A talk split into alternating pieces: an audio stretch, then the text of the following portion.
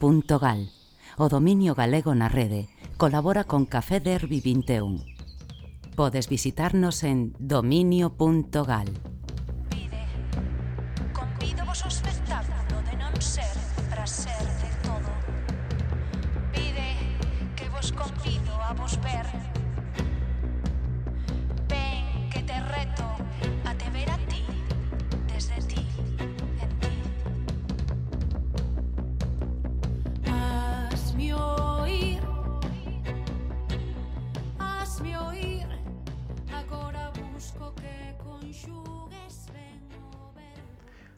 Benvidos ao Café Derby 21 Unha semana máis son Nico Carreira E nun Sintres estarei en compañía de Carme Domínguez e Adrián Lede Que non, non viñeron a saudar hoxe desde o comezo Porque como teredes notado O formato de hoxe é un pouquiño diferente Sobre todo, máis que nada, polas letras galegas Que se lle dedican a Xela Arias Unha poeta combativa cuns principios que encaixan bastante con este podcast E non podíamos deixar de facerlle unha pequena homenaxe Porque xa viña tocando alguén así e sobre todo ela, unha autora a que se lle debían unhas letras galegas, eh, para non ter unha tertulia baleira de, de, de parolar e pasar por enriba sin afondar demasiado, eh, quixemos dividir o programa en dous bloques. Nun primeiro, onde se darán uns apuntamentos biográficos sobre quen era Xela e que fixo Xela, da man de Monse Pena, autora de Intempestiva, a biografía literaria, e de María Yáñez, guionista de Xel Arias, a palabra esgazada.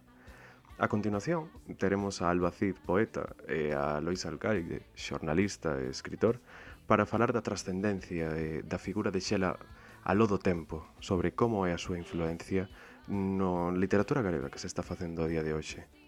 Tamén teremos poemas recitados de Lúa Mosquetera, de Tamar Andrés e de por Berta Dávila. E a música da banda da Loba que acaba de publicar Asme Oír, cos poemas musicados de Xelarias. Benvidos e grazas por estar connosco.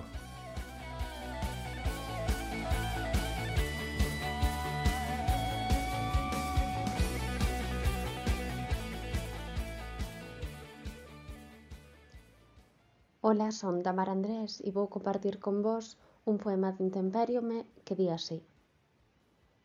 De certo, a vida ia en serio, Por iso morrer non conta números. Eras moza, cómplice nunha derrota que non sumabas, feliz por terte insomne, por inmortal. Xa temos cadáveres amigos e coñecidos. Sabemos da morte o legado inútil. Pero que ridículo, non?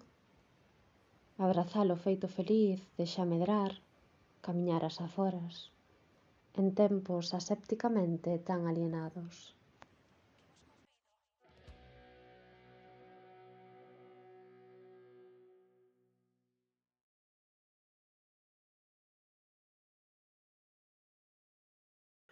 No ano 1962 naceu na Granxa Barreiros unha nena que coñeceríamos como Xela Arias.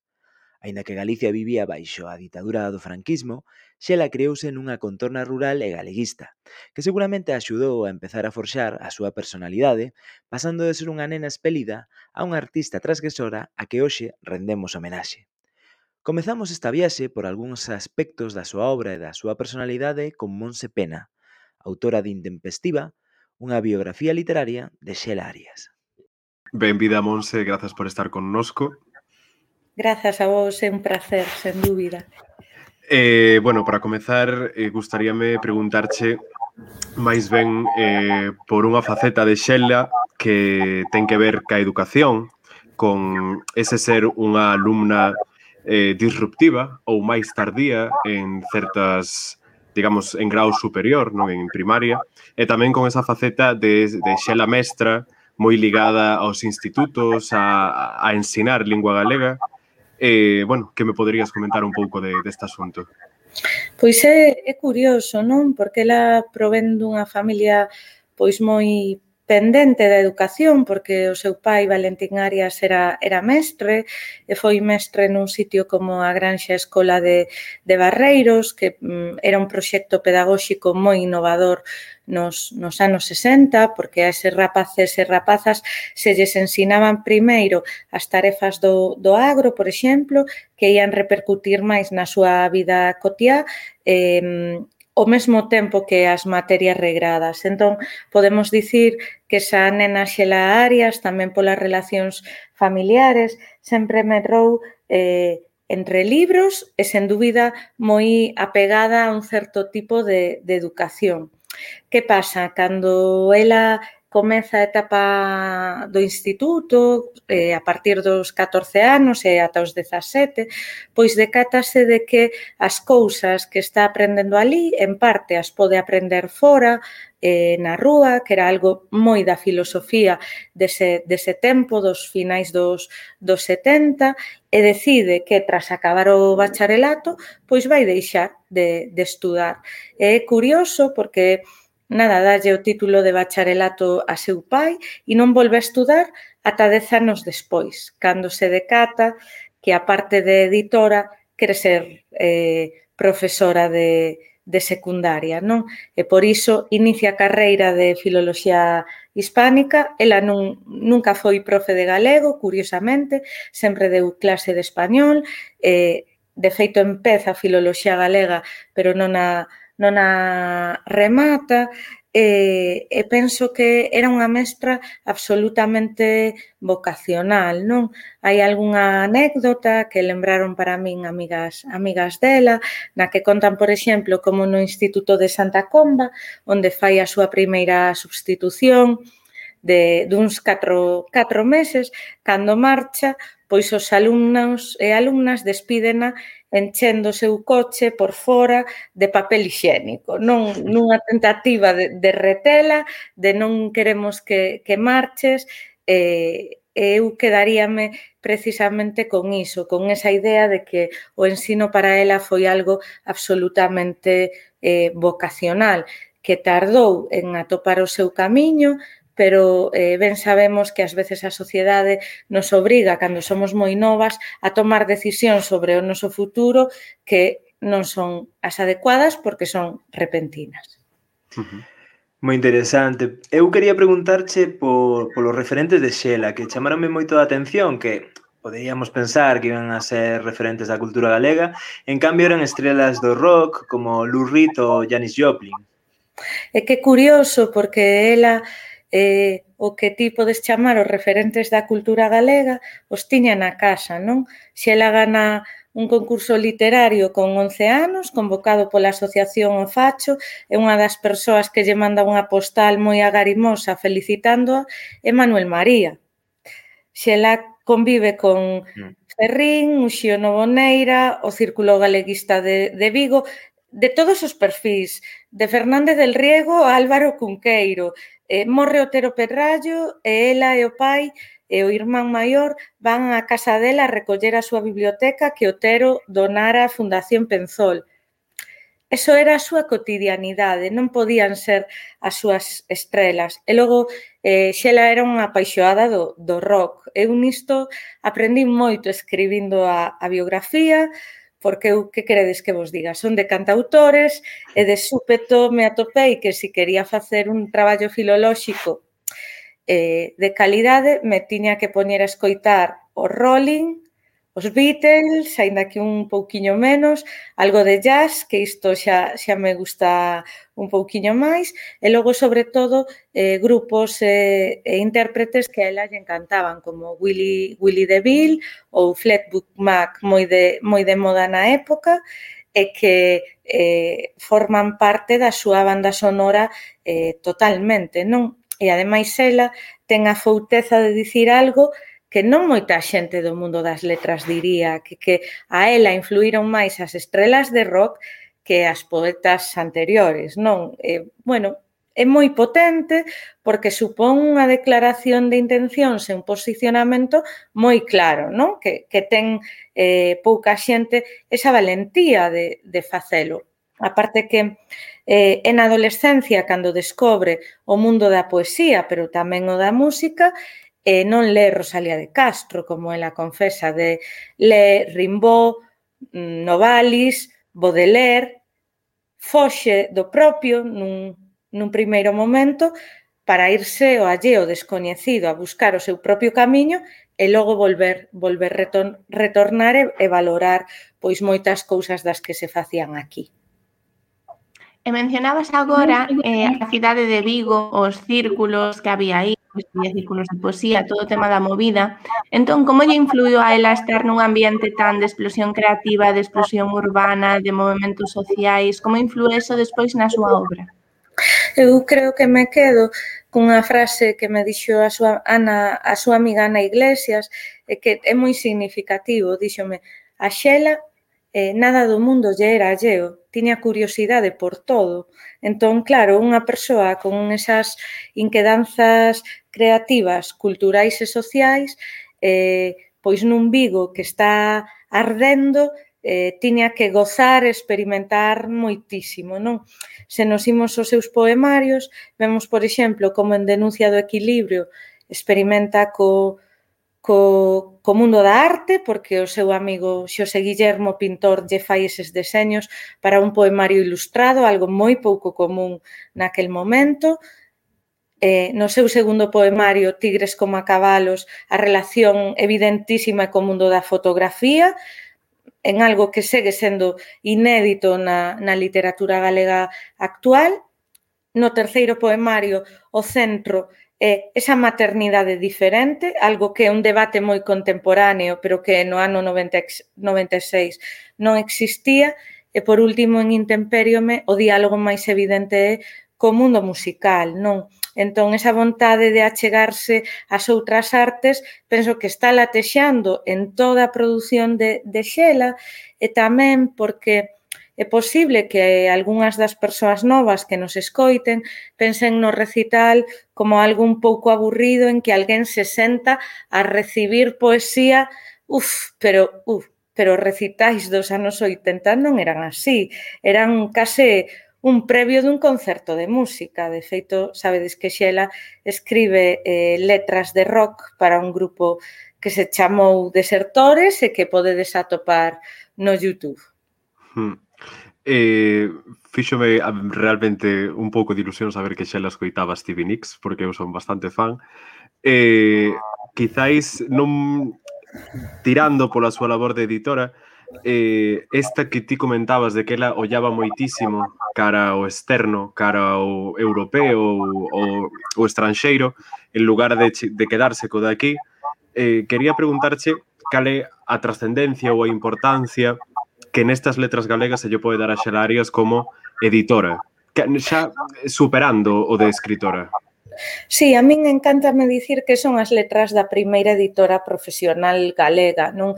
Eh, primeiro polo masculino que é este mundo, pero tamén porque persoalmente pertenzo a unha xeración a dos que nacimos a finais dos 70, principios dos 80, que eh, por primeira vez tiñamos libros infantís e juvenis en galego, nunha variedade eh, relativa, pero á vez xeitosa.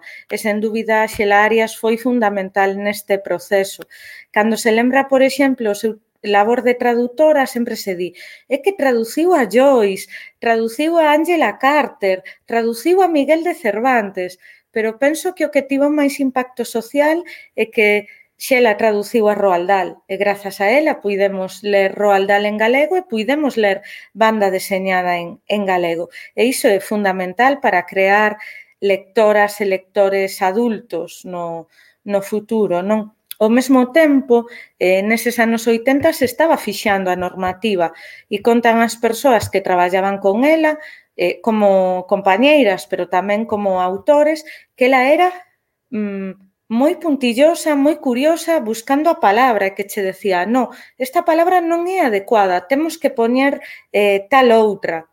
E ese traballo de, de precisión, case de, de neurociruxá, creo que, que o hai que recoñecer, porque é un traballo gris, escuro, pero que permitiu que eh, as adolescentes e os adolescentes dos 90 tivésemos libros que ler eh, doutras, doutras literaturas. Non Esa aposta creo que foi unha das grandes apostas do, do sistema editorial no que Xela participou activamente.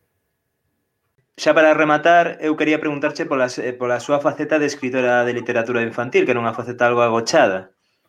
Sí, curiosamente eh, eu non souben que escribira un texto infantil e juvenil antes deste, deste ano, non? Cando comecei a investigar e a facer as, as entrevistas. Eh, a familia non ten moi claro cando empeza a escribir este texto, eh, dende logo é por volta do, do ano 90, máis ou menos, e en principio tampouco sei si ela realmente estaba pensando en publicalo inmediatamente ou era un texto para uso interno, un texto para, para despois poderlle ler o seu fillo Darío. O que si sei é que non te amola, agora foi publicado nunha edición comercial por Editorial Galaxia en nunha non, non venal, pero que se pode descargar na web polo Consello da Cultura Galega, pois eh, o que trae son lembranzas da súa infancia en Sarria, non? que se van mesturando cunha voz narrativa moi potente, moi simpática, dunha nena de nove anos que decide que xa viviu moitísimo e que ten que reflectir esas vivencias por, por escrito. Sen dúbida é unha voz moi singular, moi adiantada ao seu tempo, unha voz feminista, ademais, que tería sido unha verdadeira descuberta, non? Quizáis xela, que era moi cauta cos textos que daba o prelo, pois non estaba totalmente convencida, porque nin sequera se pode falar eh, dunha novela, non te amola, son pequenos relatos concatenados, unidos por esa voz narrativa tan curiosa da que vos, da que vos acabo de, de falar. Pero sí que, sen dúbida, esa poeta urbana da noite, da rúa, choca totalmente con esta escritora de literatura infantil na que se ve esa pegada moi poderoso, moi poderosa do mundo de Sarria e dos seus catro avós que, que lle transmitiron o coñecemento e algunha das, eh, bueno, das, mm, dos recursos da tradición oral que está aí moi, moi presente. Non? Aquela nena marchouse coa súa familia a Vigo onde gozou da movida viguesa e comezou a traballar na editorial Xerais despois de deixar os seus estudos. E que ademais de poeta e escritora, Xela fixo unha gran labor como editora e traductora, e grazas a ela existiu unha xeración xabarín previa á da televisión de Galicia. Unha xeración xabarín que puido ler en galego As bruxas de Roald Dahl ou O Drácula de Bram Stoker. Unha das persoas que formou parte desa xeración é María Yáñez, xornalista, directora de Vinte e guionista da docuserie Xela Arias a palabra esgazada. Moi boas, María. Hola, moi boas. Eh, bueno, a miña pregunta eh, é pola, polo Xabarín. Un, o Xabarín Clube foi esencial para, para a miña xeración, pero antes diso, o Xabarín tamén foi clave para a mocidade cunha colección literaria na que Xela foi moi importante. Eh, sí, eu algo que sempre digo e reivindico que son da xeración Xabarín, pero da de antes, da dos 80. Eh, eu crecín eh, as miñas primeiras lecturas en galego probablemente foran pois, algunhas do barco de vapor ou así, Asteris, que o traducía o pai de Xela Arias, eh, e, por suposto, a xeración, a, perdón, a colección Xabarín de Xerais, que era unha colección de obras eh, clásicas da literatura universal, especialmente escollidas para público juvenil, pero vamos, estamos falando de de Julio Verne, de, de, Sherlock Holmes, de Alicia no País das Maravillas, a, a, a mellor literatura, aí ya eh, Jack London, eh, quero dicir, a, a mellor literatura do mundo en galego, a unha nena que é galego falante, que se cría eh, pensando que a súa lingua só vale para falar na casa, de repente que os libros máis molóns sexan os que están en galego, pois eh, foi moi importante. E, e Xela foi parte dese equipo primeiro de Xerais que traduciu boa parte da, deses, deses libros. Xa seu pai, Valentín Arias, era traductor, eh, xunto con Xavier Senén e eh, máis xente, pois xa traduciran eso, todo tipo de libros coa idea de eh, crear un corpus na literatura galega que eh, tivese de todo, que fose interesante para todo tipo de públicos, pero sobre todo para crear esos públicos de, de infantil e juvenil, eh, e sen reparar tampouco en xéneros, xa digo, Tintín, Asterix, eses primeiros eh, libros en galego, debemos yo a familia Arias, a, a, a Valentín e, e a Xela, que polo que me contaron distintas persoas que aparecen no documental, pois era, para ela era como o seu, vamos, a súa criatura, non? A colección Xabarén, era estivo na, na presentación, na primeira presentación pública que se fixo en Lugo da colección, e logo, pois, estivo moi da súa man todo o que acontecía en, todo, en torno á colección. E falando agora da parte xa literaria de Xela como poeta, é moi curiosa esa relación que intenta establecer con outros tipos de arte, non? Como, por exemplo, con Xulio Xil en Tigres como a cabalos ou con outros artistas vigueses. Entón, como consideras de relevante ou transgresor que foi esa parte da súa obra?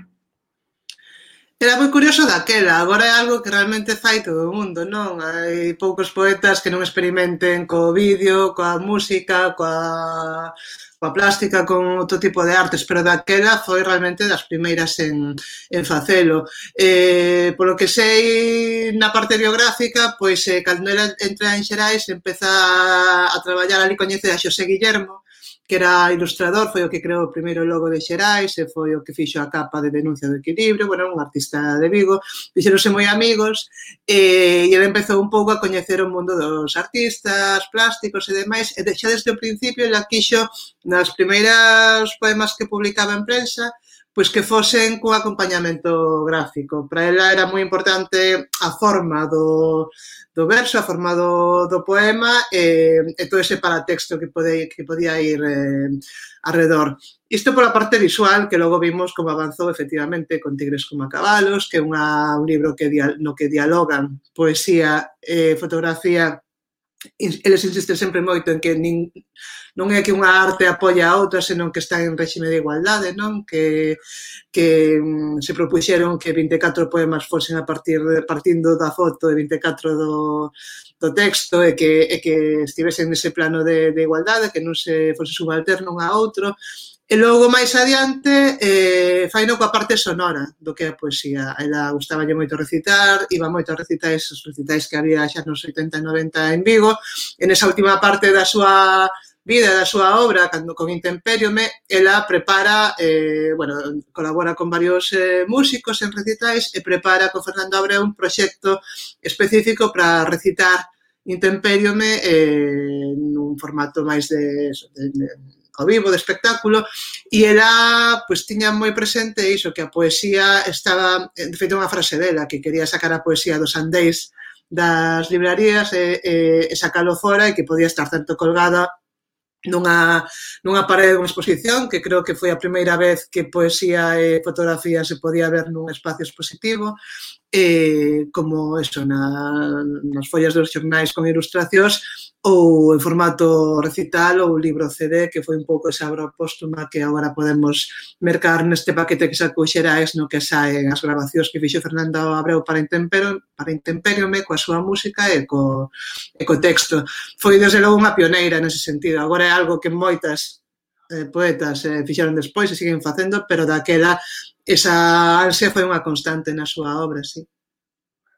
E, eh, por exemplo, eh, hai algo de Xela que no documental eh, que ti traballache, María, era como bastante eh, recurrente ou, ou que aparecía bastante, que era a Xela en televisión, Xela en programas, Xela en tertulias, unha persoa eh, vinculada tamén ao audiovisual, á presencia televisada, E, bueno, quería che preguntar eh, como de importante puido ser isto ou como de usual era entón e agora pois xa non é tanto e esa xela máis eh, da pequena pantalla, digamos.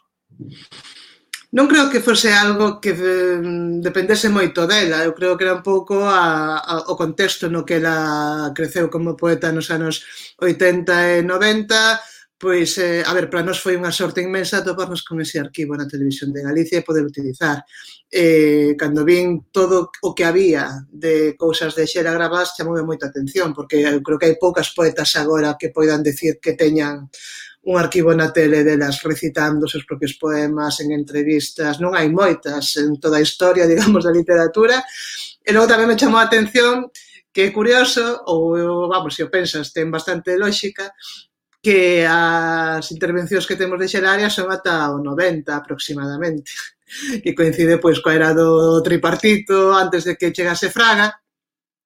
Entón, daquela, pois había programas de cultura, había programas de cultura nas que podían salir poetas eh, facendo todo tipo de performance eh, poéticas. Hai un que non sabe moito, bueno, sacamos así algún fragmento, pero non se ve inteiro, que ela indo polo mercado da pedra en Vigo, entrando aí nunha especie de mercería, bueno, o sea, eran como pezas audiovisuais moi creativas, que se nota que estaban feitas por xente da súa xeración, que foi esa xeración de xente que fundou a Televisión de Galicia, que empezou con 20 e poucos anos a traballar ali, e que, e que, que uh, eh, igual que decíamos antes da convivencia con outras artes, pois a televisión nese momento, igual que a moda, igual que outros medios de expresión, eran a vanguarda, eran o xoguete de todos os que teñan aí 25 anos e querían experimentar con ele. Entón, ela supoño que formaba parte dese, dese universo que a, de, de vanguarda que a televisión quería mostrar. Entón, sí, temos entrevistas. Bueno, de feito, temos eh, non solamente ela recitando, temos unha tertulia moi interesante na que sale ela falando como traductora, non? e un é un programa dunha hora mmm, falando sobre traducción literaria, que o, agora parece algo como super marciano, non? Iso facemos, esa tertulia facemos en Twitter, con sorte, ou nunha mesa redonda por aí, ou, ou nun podcast, pero pensar na televisión que haxa unha hora de programa na primeira cadena de, de sobre tertul, sobre traducción literaria é algo que agora soa moi moi marciano, pero daquela, xa digo, entre 85 e o 90 hai varios rexistros dela participando neses, neses programas. Do 90 en diante non hai xa non atopamos máis arquivo porque esos programas desapareceron da, da grella. Entón, bueno, é curioso, é unha sorte poder ter ese arquivo, pero imaginade se seguise esa constante na televisión, cantas horas poderíamos ter de acceso ao arquivo de co material, entrevistas e demais de todo tipo de xente da cultura que agora seguramente non temos ou que é difícil atopar. E falando xa a un nivel máis persoal, claro, nesta docuserie ti tiveches que investigar todos os puntos da vida de Xela, facer entrevistas, ler moitísimo. Entón queríamos saber como cambiou, se o fixo, a túa percepción sobre Xela Arias como, digamos, figura e artista ou que foi o que máis te sorprendeu sobre ela. A ver, non podo decir que cambiara moito porque non a coñecía demasiado. Realmente ela morre no 2003 e nunca chegara. A mí soábame, sobre todo porque mm, sí que me sou máis na época de, de Nunca Máis, da Burla Negra, de todo ese movimento social alrededor do Prestige, de Nova Guerra, no que ela participou bastante. Bueno, aí estábamos un pouco no activismo, pero tiña 25 anos cando ela morreu e non nunca me achegara demasiado a súa obra e logo tampouco era fácil mm, lela porque estaban descatalogados os seus libros, co cal foi un achegamento pleno. Unha das cousas que máis me chamaron a atención é como foi A primeira, seguramente foi a primeira mm, galega que traballou mm, unhas primeiras persoas nacidas na súa época que tuvo a sorte de traballar no galego toda a súa vida. Eh, quitando o final, que foi que se meteu a profe eh, en vez de facer oposición para galego, fixa para a lingua española, pero digamos que ela viviu e traballou, foi profesional da lingua, e das letras e da incipiente industria cultural que había nos 80 daquela. Entón, a mí eso chamaba moitísima atención, porque realmente esa xeración que construiu o que agora é un pouco que o sistema cultural do, da, da transición para aquí, do, do, desde que o galego é oficial, digamos, pois ela estivo, mm, estivo aí. Logo, outras cousas que tuves que conectei bastante foi tamén o feito de que era unha, unha rapaza que se criou en Lugo de, de pequena, son de Lugo tamén, nunha familia entre o rural, digamos, pero era filla dun mestre, dun mestre galeguista e tal, entón, bueno, a miña historia familiar ten algo que ver con eso, aquela cousa que decían naquel artigo que escribira seu pai cando a nena tiña sete anos, que era, chamase, Xeriña Fala Galego, de como, claro, as veciñas e por aí fora a comprar non sei que a sarria e dixera ya da tenda, é unha niña tan guapa como, como le hablan en gallego. E, e o pai escribira un artigo sobre esa anécdota, non? Porque os pais xa eran militantes e, e imagínate unha nena nacida nos anos 60, pois ninguén da súa época.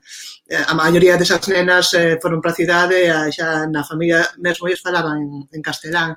Entón, esa resistencia dos pais que era tivera tan asumido o galeguismo desde pequena e que logo quixese tamén ser punk e romper con todo iso, eh, ou, ou, ou romper con esa tradición para emanciparse dela e levar o galego á modernidade, é algo co que me identifico así bastante tamén en canto a esa trayectoria, ainda que, bueno, eu, para min Vigo Eh, tamén foi moi interesante coñecer Vigo, Vigo de Xela, a ese mundo, para min Vigo como persoa de Lugo eh, que vive na Coruña, pois sigue sendo un misterio como cidade.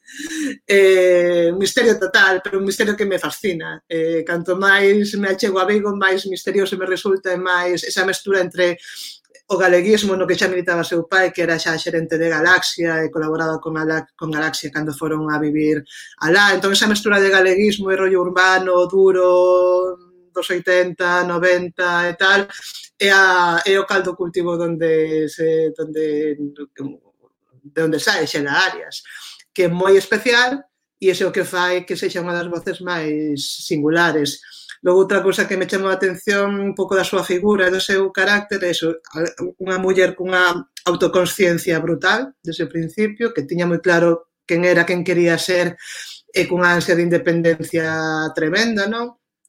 Eh, bueno, claro, imaginade, marchou da casa con 18 anos, agora que a xente ten 35 e non marcha ainda, pois eso soa, soa como, buah, que, que claro tiña e que mm, e, e puido facelo, ademais, non?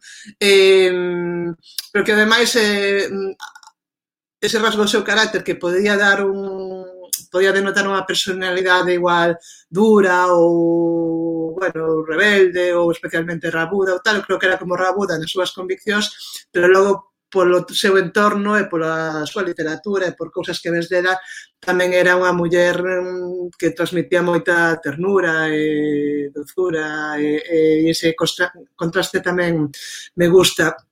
Por último, algo que sí que descubrín que foi novo para min, foron eses textos, os pequenos textos de conferencias, artigos e demais que non estaban na súa obra da poesía reunida, tanto só recolle a obra poética, pero agora podemos ver algúns no novo libro que sacou Chus Nogueira, eh, de certo na vida e en serio, que é unha nova escolma na que se mesturan textos así, eso, literarios, mmm, con textos máis de manifesto, non? Que podemos ver nos seus artigos e demais. Eu creo que de, perdimos, cando ela morreu, unha gran ensaísta en potencia, porque decía, tiña cousas moi claras, decía, tiñamos diagnósticos sobre eh, a cultura, a lingua, o país, pero logo tamén unha posición moi clara sobre moi clara, pero tamén moi pouco evidente, non, fora de lugares comuns sobre o feminismo, o ecologismo e demais, que eu creo que perdimos unha pensadora, sobre todo, é, eh? digamos, casi así como deixo unha obra poética que fala xa por si sí soa e eh? que é moi interesante, dame pena a esa pensadora que me gustaría ter lido despois. E agora que lemos tanto ensayo feminista, tantas mulleres escritoras, eh, intercambiando ideas de maneira nos libros e por aí, de maneira tan natural, gustaría ter visto a Xela Arias escribindo agora eh, esa Xela pensadora, rebelde, moderna e que trataba de reflexionar en estes pequenos escritos e conferencias que deixou, pois é casi a que máis me sorprendeu e a que máis me interesa. Pois moitísimas gracias por acompañarnos, María. Eh, recomendamos a todos ver a docuserie sobre Xela. Eh, e nada, a ver se volves outra vez ao Café Derby. Tan YouTube. Claro. Eh... eh, volvo cando que irá, xa teño a cunca, xa estou aquí tomando café na miña cunca do Café Derby, así que de maravilla, xa estou como na casa.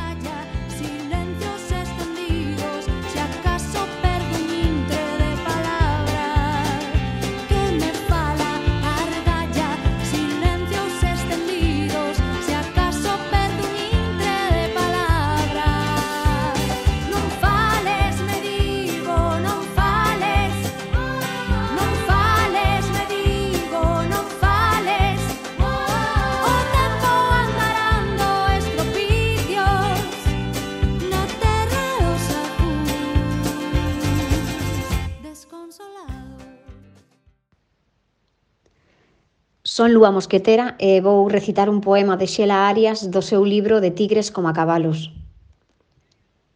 Sei que os teus recordos de hoxe son todos como a cascos de cervexa tirados pola rúa, cascos de Coca-Cola entre os pés mentres vas andando, homes lisiados sentados, ventás cara a un mar polucionado. Por esas portas entras á casa e por esas portas saes.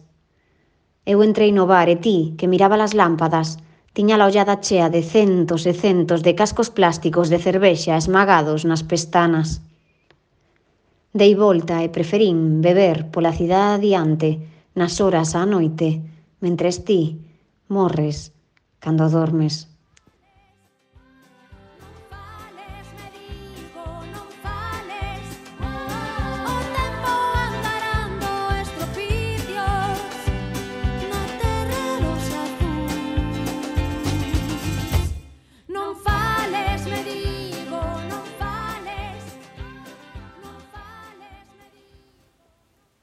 Dame rabia ter que dicir que son feminista.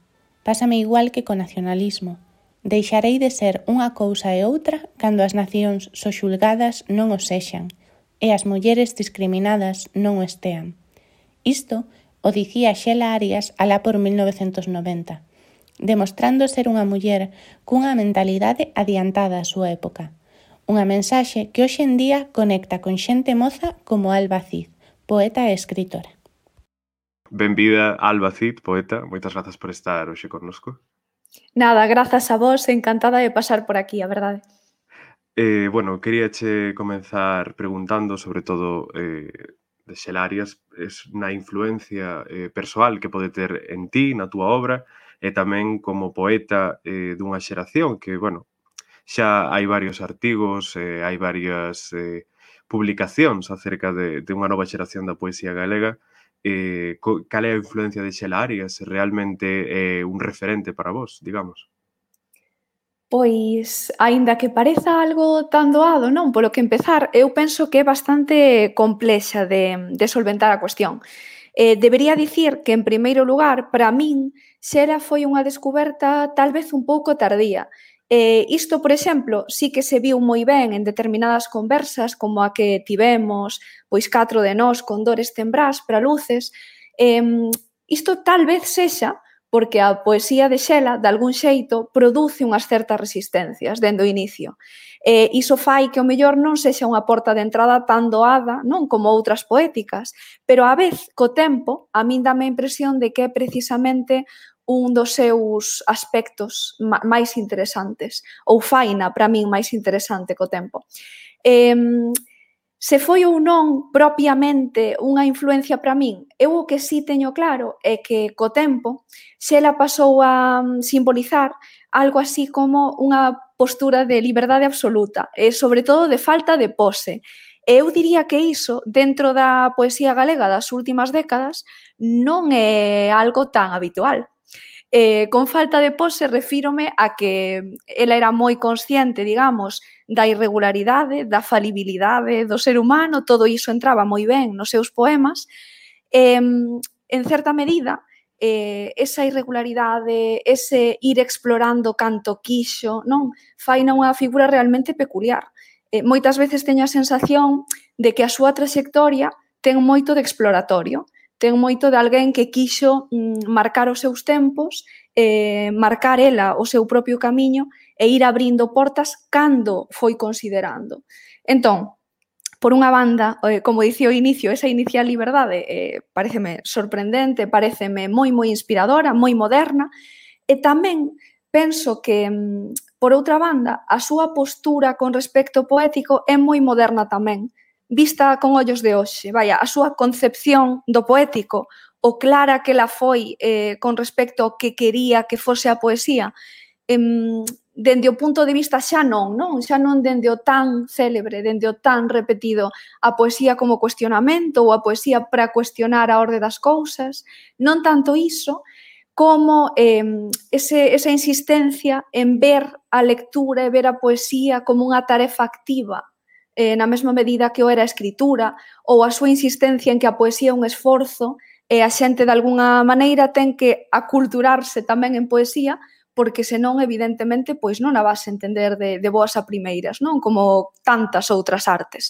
Todo iso fai, na, fai nunha figura verdadeiramente mm, curiosa, mm, tal vez, vista con ollos de hoxe.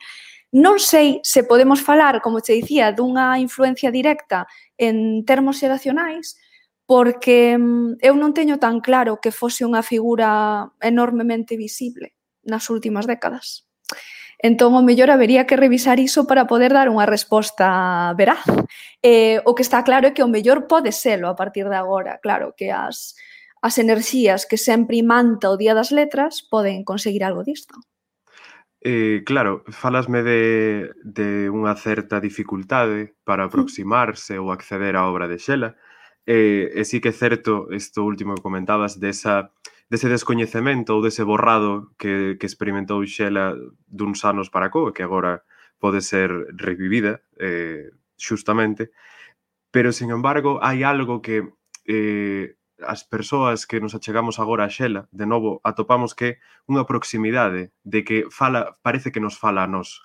E, e quería preguntarche como poeta e, e como lectora de poesía, si isto é algo eh, característico da obra de Xela, si realmente fala para nós ou é que a súa obra eh, racha cunha poesía máis pechada ou de acceso aínda máis complexo, digamos. Pois imos ver. Eh, para min tamén é unha figura próxima e creo que a ela lle gustaría, en certo modo, que a seguísemos considerando así, non?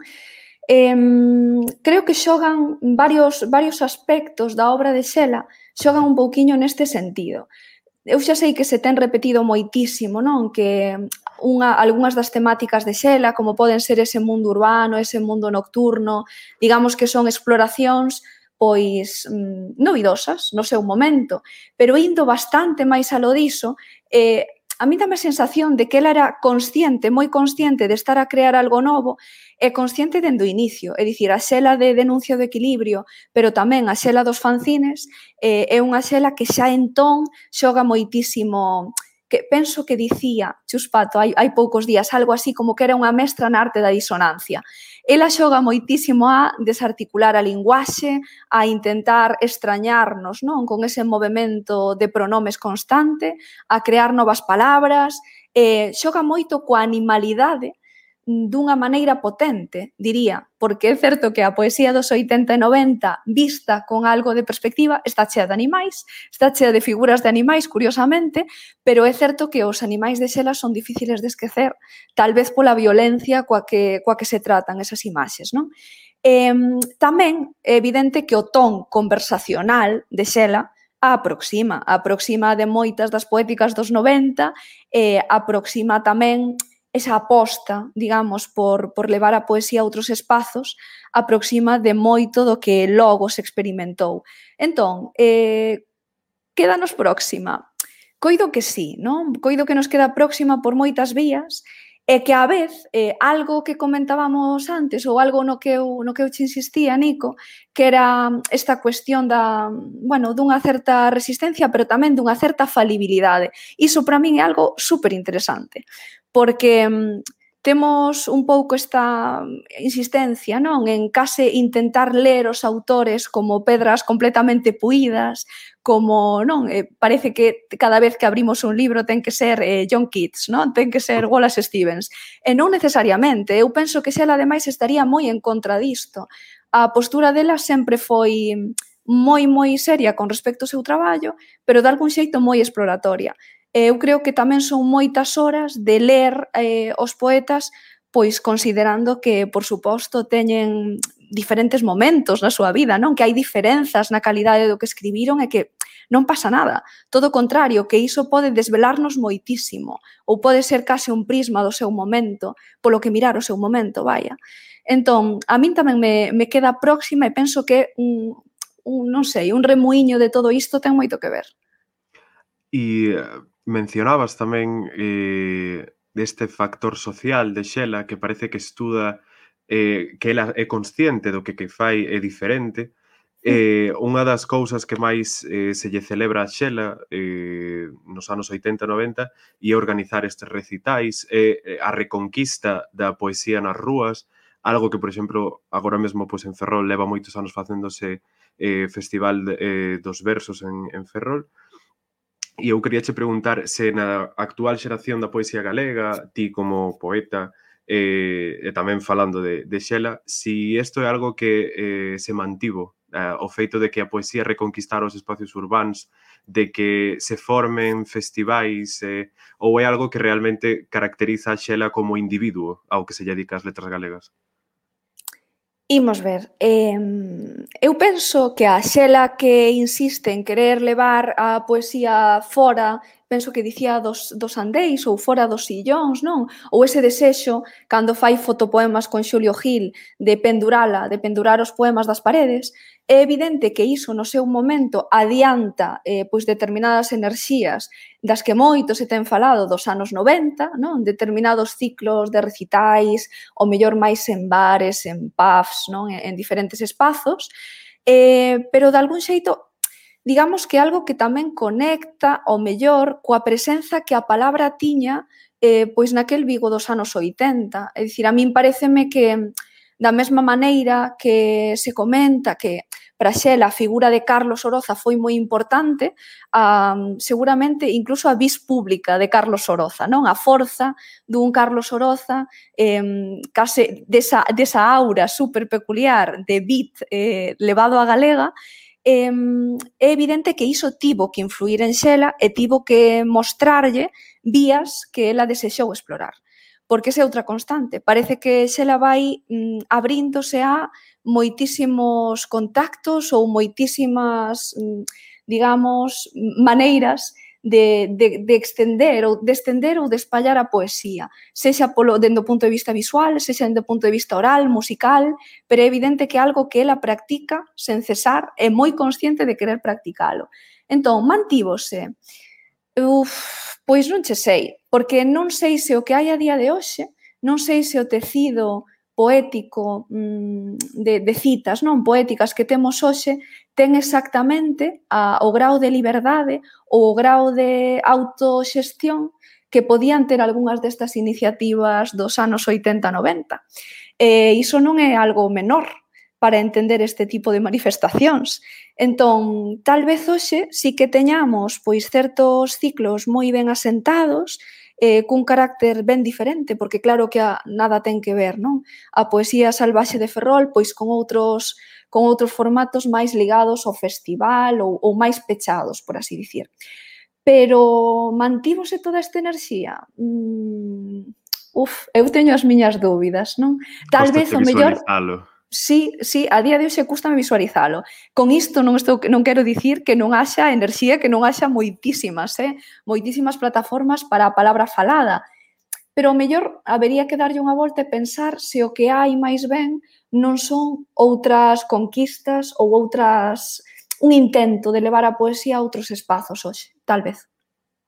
E temáticamente, que, que falamos moito da Xela eh, extra poética, temáticamente mm. eh, foi unha, unha poeta, unha escritora que trouxo moito do que se facía fora e tamén do que ela habitaba no seu interior. Eh, foi un pouco de impás dentro da poesía galega, que despois nos 90 tivo outro percorrido, porque sí que é certo que a produción foi inxente. Eh, desde a túa posición de dunha poeta pues, laureada eh, no, no ano pasado, eh, cun libro publicado de Atlas, quer dicir, eh, a ves que haxa eh, unha, unha liña de xelan adiante, eh, que vos, eh, os poetas e poetas desta desta xeración, eh, sí que atopades un referente no que lervos, digamos. Pois non sei se a exploración ou se esa referencia, se esa ligazón deberíamos establecela dentro o temático. Esa é a miña dúbida fundamental. Xa sei que parece que che estou levando todo, non? Que estou como tirando constantemente da corda cara ao extraliterario. Eh, imos ver en que aspectos temáticamente pode resultar xela moi contemporánea. Eh, eu insistiría tal vez, pois, mm, nesa insistencia nese desexo de mostrar eh, tal vez o máis vulnerable dos seres humanos, o máis vulnerable dos, dos afectos, non? Unha exploración que parece eh, enormemente honesta por veces, unha exploración, digamos, da interioridade humana que parece moi honesta e á vez para nada autobiográfica, para nada descarnada, quero dicir, moi, moi ben medida, de algún xeito, non? Uh -huh. eh, xela é sempre moi consciente de estar a crear eh, realmente artefactos poéticos, de estar a, a escribir poesía, e iso é algo maravilloso. Eh, non sei, Xela é evidente que estivo moi en contacto coa contracultura do seu tempo, que estivo implicadísima en moitas causas, que foi capaz de ver que acontecía coas mulleres á altura dos 80, 90, incluso que mm, cuestiona moitísimo, non? E cuestionou moitísimo a súa posibilidade de entrar nalgúnha das lecturas xeracionais, pero máis alá diso, mm, seguramente o que máis mm, resoe en nós o que máis próximo se nos faga, e polo menos vou falar por min, eh, sexa a concepción de Xela de, mm, do traballo poético como algo verdadeiramente persoal, eh, verdadeiramente resistente e eh, sobre o que ela desexa poñer os seus propios tempos ou a súa unha autoexixencia pois moi moi moi moi considerable, penso eu, non? Esa xela que, mm, bueno, vai se, vai presentándose a premios, eh, escribe mm, libros que non acaba de publicar, eh, explora iso o máis diverso e tal vez penso que todo iso, eh, esa aprendizaxe tamén a xela eh, dos ensaios, a xela máis rosmona ou máis contestataria co seu presente, todo iso penso que sí que pode resoar moi ben en nós. Non? Como ela foi capaz de situarse cunha dureza innegable fronte a moitísimos dos, moitísimas das maneiras de facer da súa época. E xa para rematar, eh, a ti como poeta creadora actual eh, e un pouco tamén por estas vivencias que estabas relatando agora mesmo de que moito do, do xeito no que Xela creaba ou se aproximaba a literatura ten bastante que ver co como se fai a día de hoxe eh, que supón para un poeta actual vivo que as letras se lle adiquen a alguén como Xela? A ver, eh, penso que é evidente eh, que unha das primeiras resistencias fortes de Xela foi a resistencia, digamos, contra os discursos máis, pois se se quere, clasicistas, preciosistas ou, ou manieristas que a rodeaban. Non? Esa Xela que di que pouco ten que ver a súa poesía ou o que desexa ler en poesía coas poéticas que a rodean e que moito máis ten que ver o rock and roll ou que nalgún momento di que está farta, que estaba farta de ler a Becker e Rosalía e por iso precisamente os simbolistas franceses a deslumbran carai, eh, esa xela é moi reivindicable. Entón, eu penso que escoller a unha figura tan próxima temporalmente e a vez, e isto é algo moi importante, unha figura que parece que nos axuda case a tirar pois dunha beta da historia que moitas veces queda subsumida eh, no relato oficial, que é un pouquiño esa beta de que acontece nos 80 en Vigo, non? Eh, fronte aos discursos de celebración da democracia, fronte á inmensa celebración da entrada en Europa, que estaba a acontecer realmente nesa década. Mm, eu sigo vendo que hai moitísimo por, por explorar aí e que ás veces ela parece que trae un pouco, non trae pistas de todo aquilo. Entón, mm, pode imantar moitísima enerxía, pode imantar, digamos, novas maneiras de, de traballar co día das letras, de crear novas maneiras de chegar, incluso a onde se debería chegar, que é afora, digamos, dos, do máis académico ou afora do, do propiamente cultural. Iso penso que sempre é unha oportunidade escollendo unha figura como a Xela, e oxalá o sexa, porque hai moito, non? Hai moito que desestabilizar nas inercias das letras e estou convencida de que da mesma maneira que o ano Lois acabou superando moitísimas barreiras, o mellor xela podería, non? O ano o ano xela podería facelo tamén. Pois moitísimas grazas por estar connosco, Alba. A vos foi un placer. Xela foi unha autora transgresora que rompeu co academicismo e conseguiu que a poesía conectase coa rúa. Esta conexión manifestouse tamén no contacto da súa propia poesía con outras artes, como a fotografía ou o debuxo. O permanente contacto coa rúa tamén deu lugar a unha xela comprometida no político. Sobre isto falaremos con Lois Alcaide, escritor e xornalista. Benvido ao Café Derby, Lois. Hola, moi ben, como, como din a xente moi repite, moi ben hallado que non nos soporto cando din, pero hai que dicilo. Encantado de estar aquí convosco. Maravilloso. E bueno, contigo queríamos comentar un pouco a figura máis política de Xela, como foi a repercusión da súa implicación no movimento feminista, no nacionalismo ou mesmo en eidos como o ecoloxismo, que non eran tan comuns na súa época como son agora.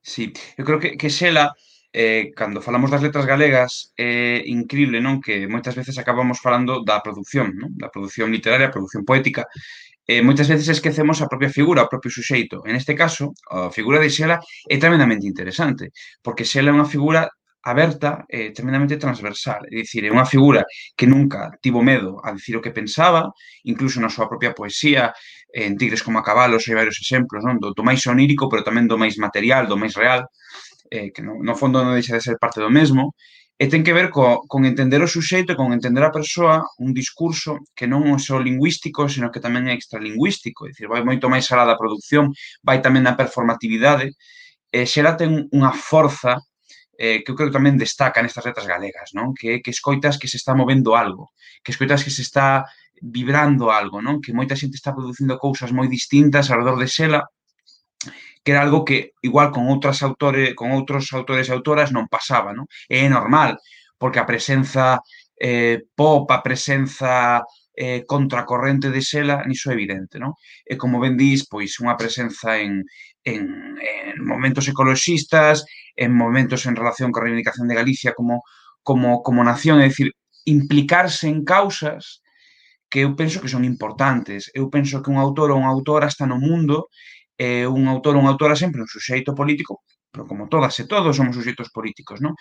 en Xela algo que me atrae desa figura, aparte da, da atracción do, do, da performatividade do personaxe, non estas fotografías maravillosas de Xulio Gil en Tigres como a cabalos, outra vez, digo moito título porque dos que máis, xunto con Darío Diario, dos que máis me, me atraen, non? De Xela, eh, vemos vemos unha, unha, unha persoa que indica pois, cando é o Prestige está ali, eh, cando a convocan está ali, é dicir, unha muller implicada, é unha, é unha cidadá implicada, non?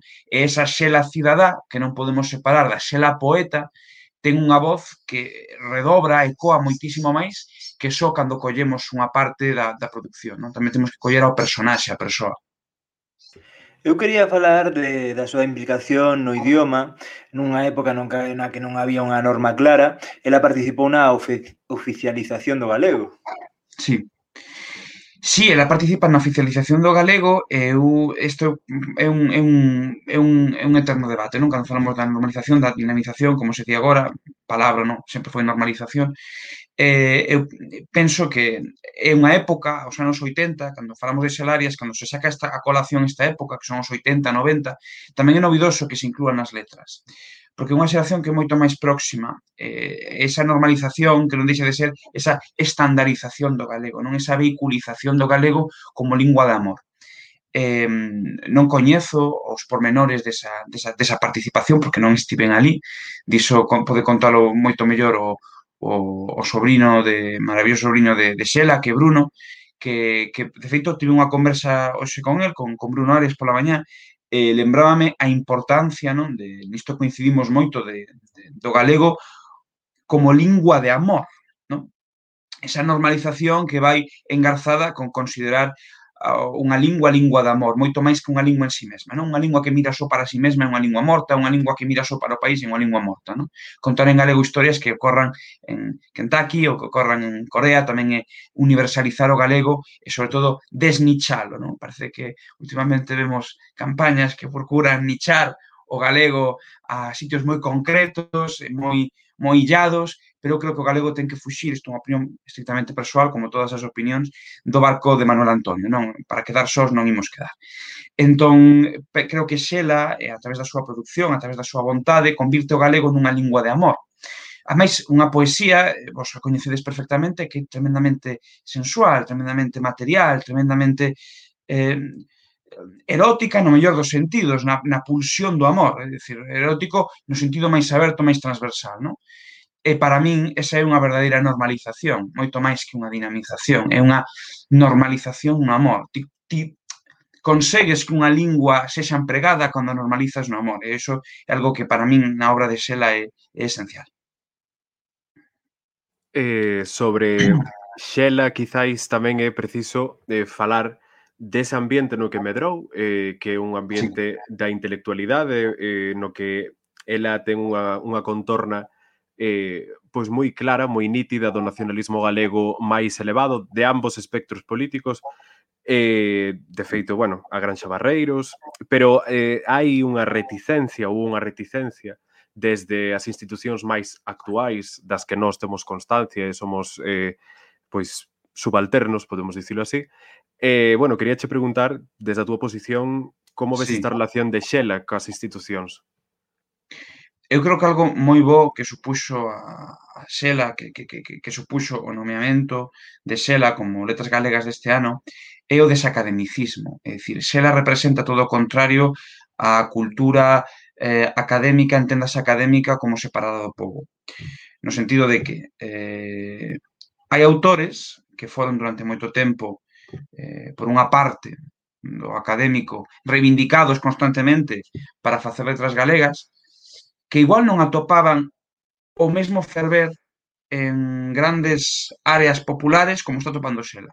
¿no? É dicir, autores eh, como autores que non atoparon o que falábamos ao, ao comezo, esa efervescencia, que iso non é nada malo, é dicir, eh, no, hai autoras e autores que non teñen tanto encarce popular e iso non é nada malo, nin é nada nada eh, nada negativo, pero dá esa casualidade de que de repente este ano eh, nenas, nenos falan de Xela, temos unha proximidade con Xela tamén pola morte tan prematura que tivo, foi unha muller que morreu moi xoven, aos 41 anos, é dicir, esa xuventude, non? Eh, que pasa un pouco tamén a Luisa Villalta como poeta, quedaron atrapadas, a súa figura quedou atrapada na xuventude, e iso, queiras que non, sempre fai máis próxima, non? Tamén volvemos a identidade estética, eh, a muller nas fotografías, non? que chama a atención, a cámara co que capta Xulio Gil, a personalidade que ten que trascende todo iso, non? eh, que construe todo o personaxe, eh, creo que é imperativo mm, baixar a cultura á terra e baixar a cultura ao povo e ao popular. Hai unha frase moi, moi, moi boa de Lorca, ou atribuída a Lorca, que eu escutei varias veces, entón fíome de que sexa de Lorca, non? que el, Lorca non quería o ramo de azucenas, quería ir ao barro e collelas. Non? eh, baixar ao barro no mellor dos sentidos, desacademizar este tipo de figuras, como Xela, que eran totalmente desacademizantes no mellor dos sentidos, porque eran populares, porque eran reivindicativas, porque son, porque seguen sendo, porque esa figura segue presente, eh, ainda que xa non este connosco, é moi importante eh, atopamos que de repente as súas letras están en discos. E atopamos que de repente hai novas edicións literarias con, con ilustracións como de Brea, Bea Gregores hai pouco, de xente moi nova, non? Como, como a propia Bea. É dicir, Xela move, porque Xela significa e Xela contén moitísimas cosas, contén feminismo, contén democracia, contén ecologismo, contén un montón de significados cos que moitas e moitos nos sentimos identificados, porque están baixados a terra, non? Eh, pareceme unha gran decisión, e de feito, cando me enterei, leveme unha grande alegría, porque a fin baixamos a cultura da Torre de Marfil, non? Eh, a fin baixamos a cultura á rúa. E eh, Xela ten este engarce tan maravilloso, e eh, o comentaba tamén o seu plamaña con, con o seu sobrino, con Bruno, que é con, con outra figura que é contemporánea a Xela, que é a de Luis Pereiro. É dicir, eh, Xela e Lois teñen moitos paralelismos, son de estilos distintos, de escolas distintas, pero comparten esta palabra tan malgastada non? como xeración, comparten, non? son contemporáneos na súa época. Eh, non deixan de ser dous efectos paralelos eh, no, no, no vibrar da rúa, no sentido de que o ano no que foi Lois Pereiro, a produción que houve redor de Lois Pereiro foi tremenda, reviviuse a figura de, de Lois Pereiro, e engarzouse con a cultura pop, e con Xela está pasando o mesmo, non? eh, o tema das reedicións, o tema de que volva outra vez a, a fala, de que agora estemos falando dela, é, é moi importante. É moi importante porque, insisto, é unha persoa na cal podemos identificar o mellor da democracia e o mellor tamén da poesía. É dicir, hai un, un dos versos, un, un dos poemas dela, non? que, que eh, estou citando en Tigres como a cabalos e, e remata, non? Un, un, dos, un dos poemas remata e colocar no máis alto da, da, da esperanza o, máis, o necesario desespero, non? non sei se a viceversa. Pero, quero dicir, esa reivindicación constante, esa reivindicación popular que é tan necesaria na cultura galega, a desacademización, e que a, desa, e que a desacademización veña da academia é maravilloso, porque implica mollarse, implica baixar a terra, e pareceume moi, moi boa decisión e, e oxalá mm, podamos reivindicar figuras similares nos seguintes anos. Eh, falando disto, desta conexión que xorde agora con Xela por parte especialmente, ou sinto eu así, eh, de persoas da nosa xeración, crees que esta vivenza, este é unha figura que agora está na nosa fala, eh, vai ter unha repercusión de cara a futuras decisións da Academia no Día das Letras Galegas? Crees que pode ser un antes e un despois agora de reivindicar outro tipo de figuras coas que podemos conectar de verdad, especialmente xeracións máis novas que somos as que teñen que atacar, digamos, con este tipo de actos?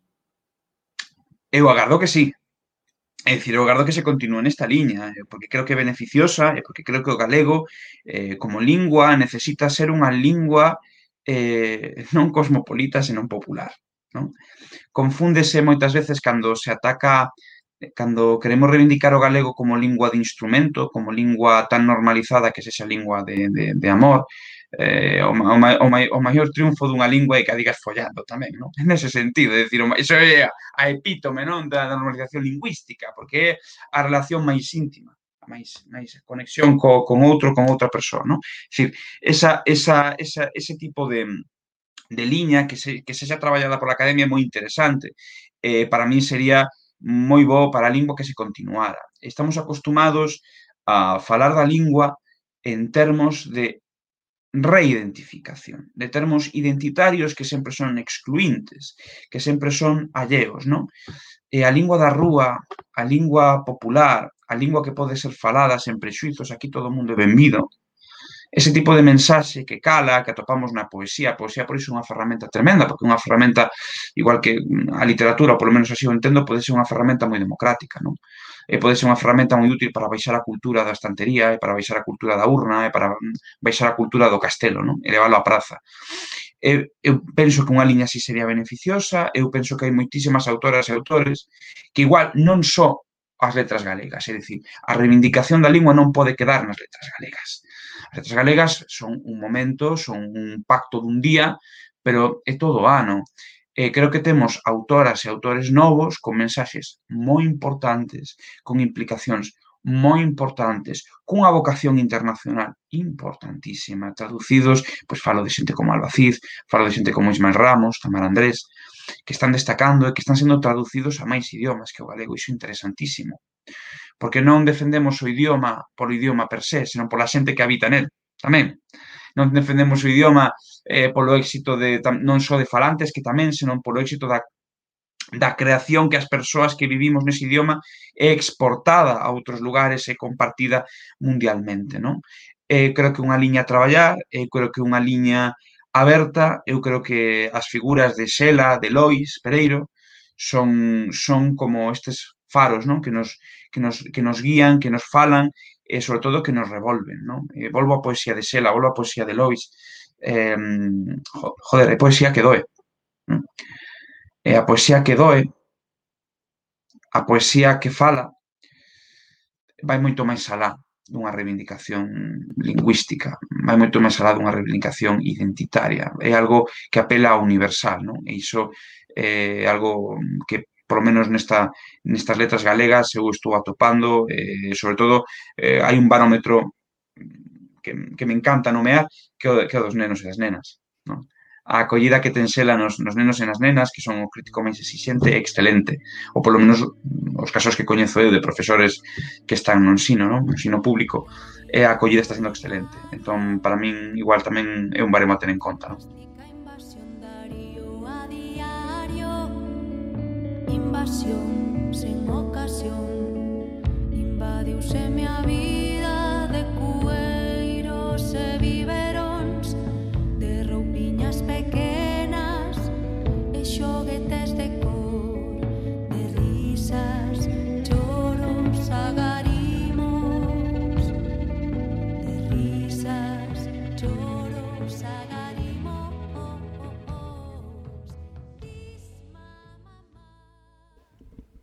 Agora deixamos vos con Berta Dávila, que vai recitar un poema obtido do poemario Darío Diario e tamén ca canción dese mesmo nome feita pola banda da Loba a través dos versos de Xela Arias.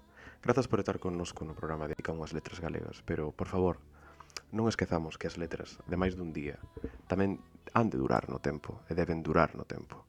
Polo tanto, moitas grazas por estar connosco e, como sempre, vémonos a semana que ven por gracia de diferencias vincheas, charangas e discotecas. No parque afogamos cunha palabra cento e mil significados. Todas as nais serán nais e todos os fillos fillos, mais, con perdón tamén, difiren as bandeiras e entre si os ríos.